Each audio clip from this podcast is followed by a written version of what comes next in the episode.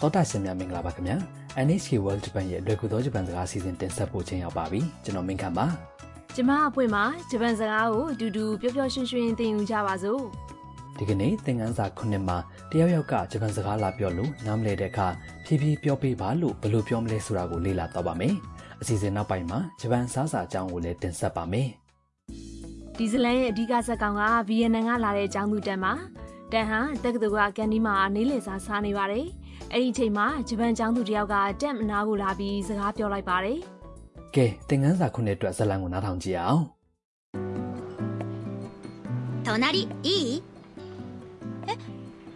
はいありがとう留学生なのすみませんよくわかりません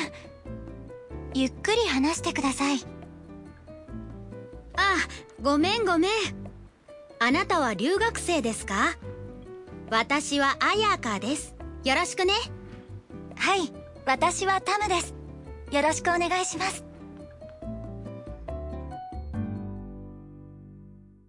ဝကြတစ်ကြောင်းချင်းကိုကြည့်ကြရအောင် ဂျပန်ကျောင်းသူအာယာကာကတမ်ကိုပြောပါတယ် 隣いい ဘေးနားမှာထိုင်လို့ရလား တမ်ကပြန်ဖြေပါတယ် はい အော်ဟုတ်ကဲ့ အာယာကာကစကားကိုအမြန်ပြောလိုက်ပါတယ် ありがとう ကျေးဇူးပါ 留学生なの နိုင်ငံသားကျောင်းသားလား တမ်တရားကိုစိတ်ရှုပ်သွားပြီးအခုလိုပြောပါတယ် すみません。 စိတ်မရှိပါနဲ့ よくわかりません。 ကောင်းကောင်းနားမလည်ပါဘူး ゆっくり話してください。 ဖြည်းဖြည်းပြောပေးပါ အာယာကာက ああ、ごめんごめ။ん。အော် sorry sorry လို့ပြောလိုက်ပြီးခက်ဖြည်းဖြည်းပြောပါတယ်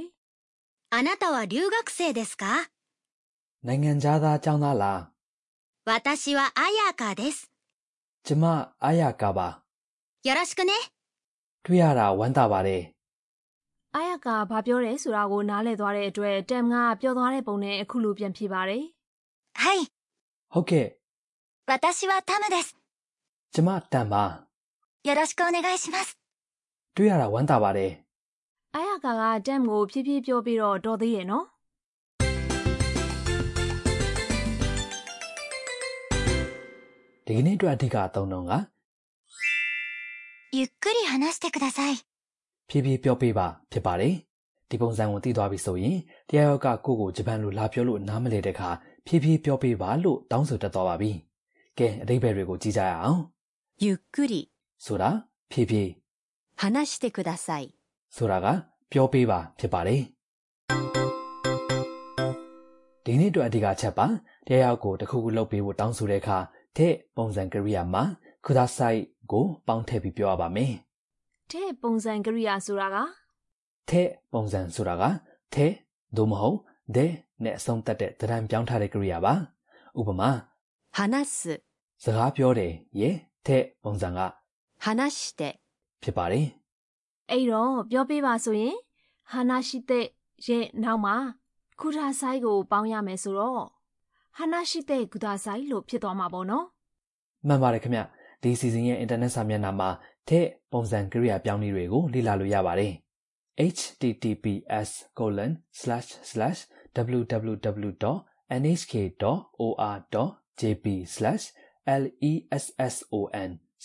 https://www.nhk.or.jp/lesson/my/ မှာဝင်ရောက်ကြည့်ရှုကြပါခင်ဗျာ ။အခုဆက်ပြီးအဓိကအသုံးနှုန်းကိုအတန်ထွက်ပြီးပြောကြည့်ရအောင် ゆっくり、 ဖြည်းဖြည်းဆိုတာကိုပြောတဲ့အခါ you ရဲ့အနောက်မှာတစ်ချက်နားရပါမယ်နားထောင်ပြီးပြောကြည့်ပါဦးနော် ゆっくり。ゆっくり話してください。 ။သရရှင်တို့လိုက်ပြောလို့ရကြရဲ့နော်။ တဲရောက်ကဂျပန်စကားလာပြောလို့နားမလည်ရင်အသုံးပြုနိုင်တဲ့တခြားဥပမာစကားပြောကိုလည်းနားထောင်ကြည့်ပါ すみません。もう一度言ってください。 အာဟိုင်အတိဘေက すみません。 စိတ်မရှိပါနဲ့ もう一度言ってください。 နောက်တစ်ခေါက်ပြန်ပြောပေးပါ もう一度 ဆိုတာနောက်တစ်ခေါက်နောက်တစ်ကြိမ်လို့အဓိပ္ပာယ်ရပါတယ် 言ってください。 ဆိုတာကကရိယာ 言う、 ပြောတယ်ရဲ့တဲ့ပုံစံ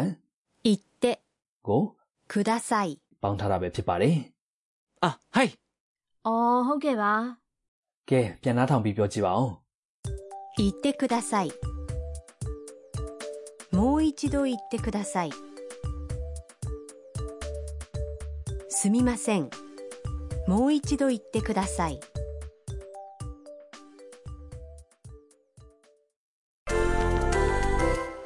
ဒီပုံစံကိုသိသွားပြီဆိုရင်တခြားကိုတောင်းဆိုချင်တာတွေကိုလည်းပြောလို့ရသွားပါပြီတစ်ဖက်လူကိုအင်္ဂလိပ်လိုပြောပေးပါလို့တောင်းဆိုခြင်းဘယ်လိုပြောရပါမလဲအင်္ဂလိပ်လိုဆိုတာကို 英語で、英語で、 လို့ပြောရပါတယ်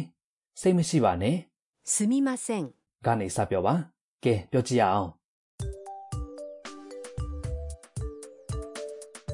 すみません。英語で言ってください。すみません。英語で言ってください。 အင်္ဂလိပ်အက္ခရာနဲ့ရေးပေးပါလို့တောင်းဆိုခြင်းရောဘယ်လိုပြောမလဲအင်္ဂလိပ်အက္ခရာနဲ့ဆိုတာကို ローマ字で、ローマ字で、 လို့ပြောရပါတယ်ရေးတယ်ဆိုတာက 書く、 သူ့ရဲ့ထဲပုံစံက 書いて、書いて、 ဖြစ်ပါတယ်ပြောကြည့်ပါဦး すみません。ローマ字で書いてください。すみません。ローマ字で書いてください。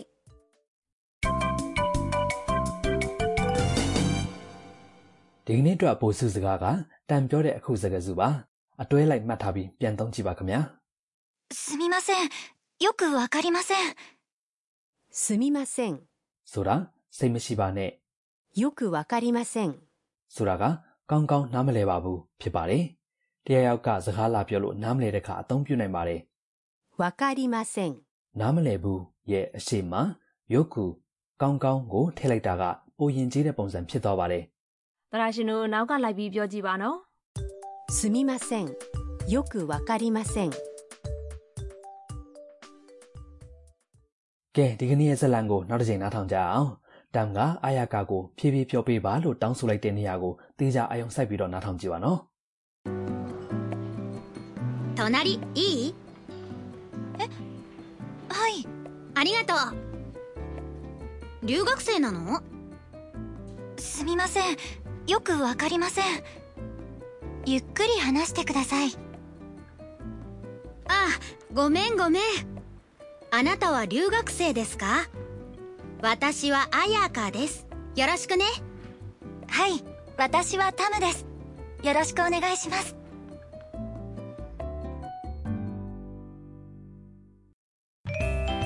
食いしん坊カイトにお任せ。 အခုဆက်ပြီးအစားကြီးတဲ့ကိုက်တို့ရဲ့အစားအစာမိတ်ဆက်ကဏ္ဍပါဒီကဏ္ဍမှာဟာရူဆန်ဟောက်စ်မှာနေတဲ့ဟင်းချက်ဝါသနာပါသူကိုက်တို့ကဂျပန်အစားအစာယဉ်ကျေးမှုအကြောင်းနဲ့ညွှန်းကျင်စရာဂျပန်ဟင်းလျာတွေအကြောင်းကိုမိတ်ဆက်တင်ပြသွားပါမယ်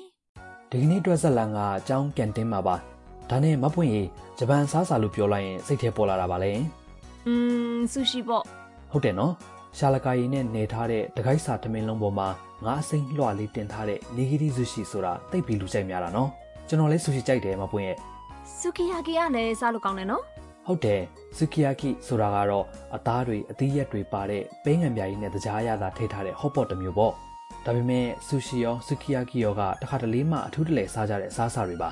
ဒါဆိုပုံမှန်ဆိုရင်အိမ်ဒီမှာဘာလို့စားကြလဲ ထမင်းကိုအဓိကစားပါတယ်ဂျပန်လူမျိုးတွေကထမင်းကိုငါးအသားဟင်းသီးဟင်းရွက်ဟင်းနဲ့စားပါတယ်မီဆိုဟင်းချိုစားတဲ့ဟင်းရည်တစ်မျိုးမျိုးနဲ့တွဲပြီးစားတာများပါတယ် အနောက်တိုင်းစားစာရောစားကြလား အနောက်တိုင်းစားစားလည်းတော်တော်စားကြပါတယ်စပါဂက်တီနဲ့အသားစတူးတွေကိုလည်းနေရာအနှံ့မှာစားကြတယ်ပုံမှန်ဆိုရင်ဂျပန်စားစာကိုတူနဲ့စားပါတယ်တခြားစားစာဆိုရင်တော့ဒါဇွန်ဖင်းစားတာတွေကိုသုံးပါတယ် သရရှင်တို့လည်းဂျပန်အစားအစာကိုစားပြစ်အောင်စားကြည့်ကြပါနော်